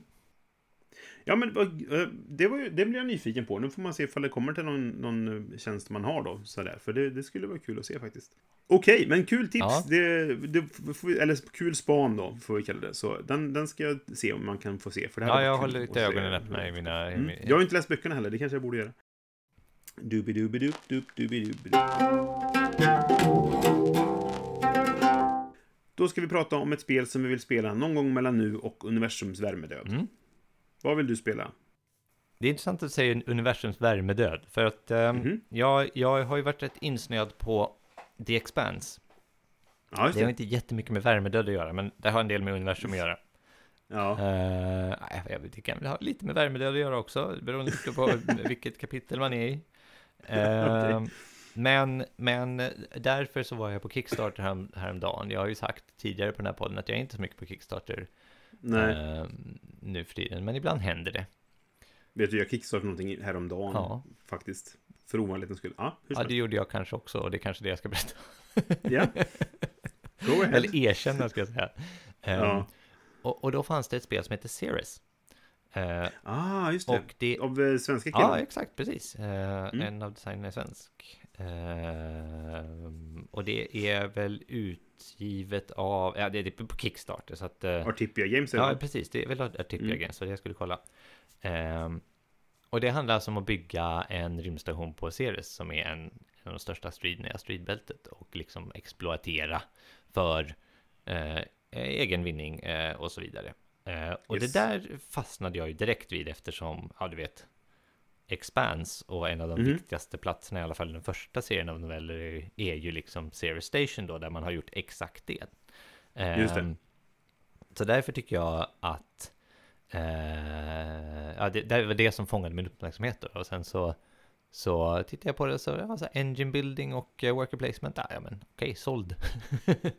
så, så det spelet ser jag fram emot att spela. Jag vet inte mycket mer om det än så, än annat än det är på Kickstarter just nu. Jag, men, jag, har kollat på det, det ser, det ser, okej, det ser, alltså rent kosmetiskt, inte jättespännande ut. Men. Eh, man läser lite om det så, så fångar det tillräckligt mycket uppmärksamhet ändå. Så att eh, det har jag backat och eh, ser fram emot att spela någon gång när det väl dimper ner i brevlådan. Då, då. Just det. Ja, alltså, jag, jag tror att jag gick förbi det här demon av det på uh, Spiel några gånger. Eh, och jag har tittat lite grann på det. Sen är det så här, jag backar inte så mycket saker på Kickstarter och så vidare. Eh, jag kommer alldeles strax till vad det är jag har backat.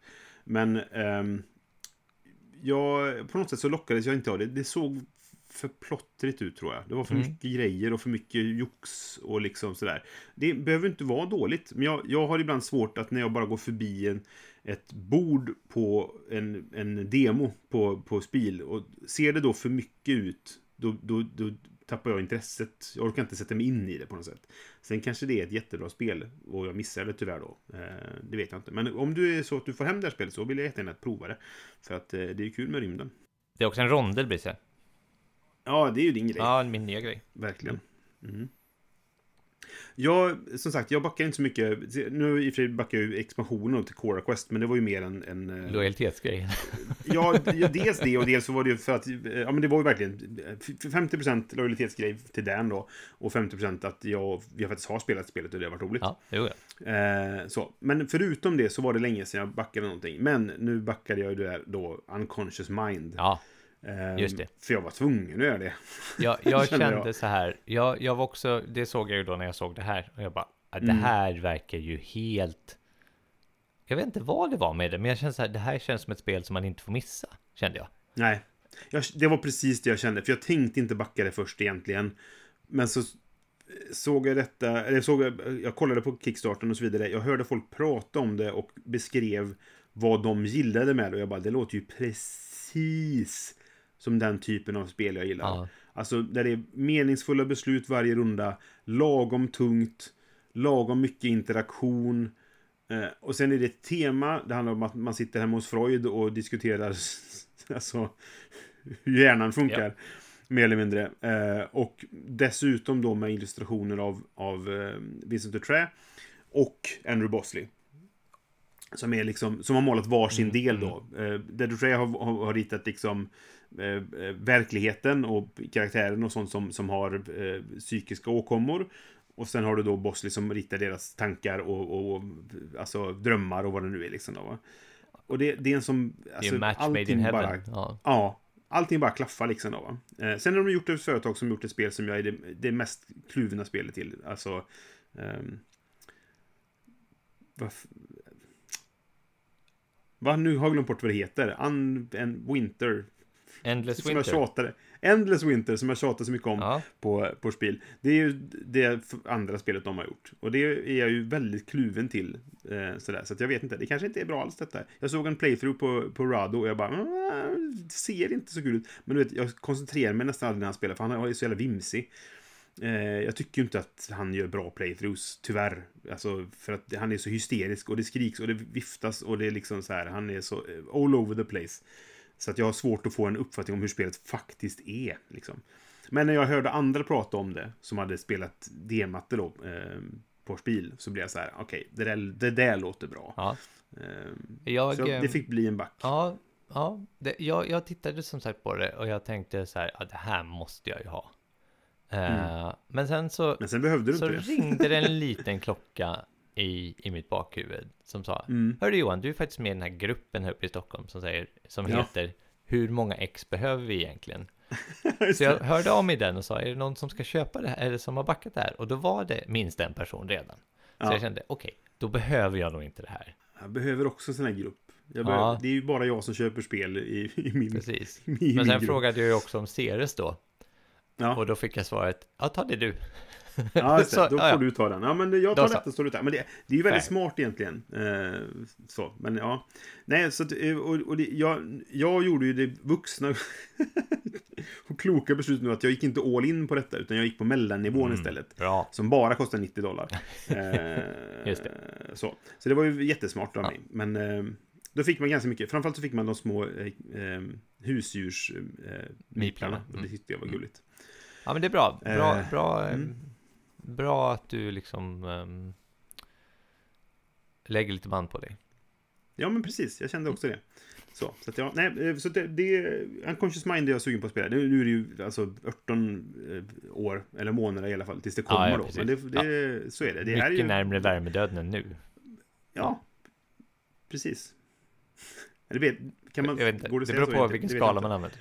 Ja, det är sant. Men det, det är längre bort än vad till exempel eh, ett spel jag kan spela nästa vecka är. Ja, Eh, Precis. För Så det får som man jag ju tänka. har redan.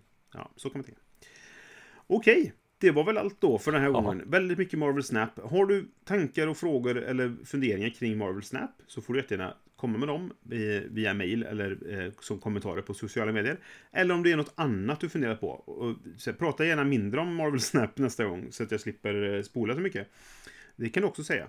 Vi finns på spelradio.com, nej förlåt, SE. vi finns på spe- spelradio.se. Eh, Vi finns på Spotify där vi heter eh, Vems tur är det? Eh, ni kan söka på Vems tur är det eller Spelradio på de flesta ställen på Facebook och eh, Instagram och liknande så finns vi där. Så hör gärna av er ifall det är något ni funderar på. Musiken är gjord av Robin Landahl och våra illustrationer är gjorda av Gary King som vanligt. Vi hörs nästa gång. Hej då! Hej då!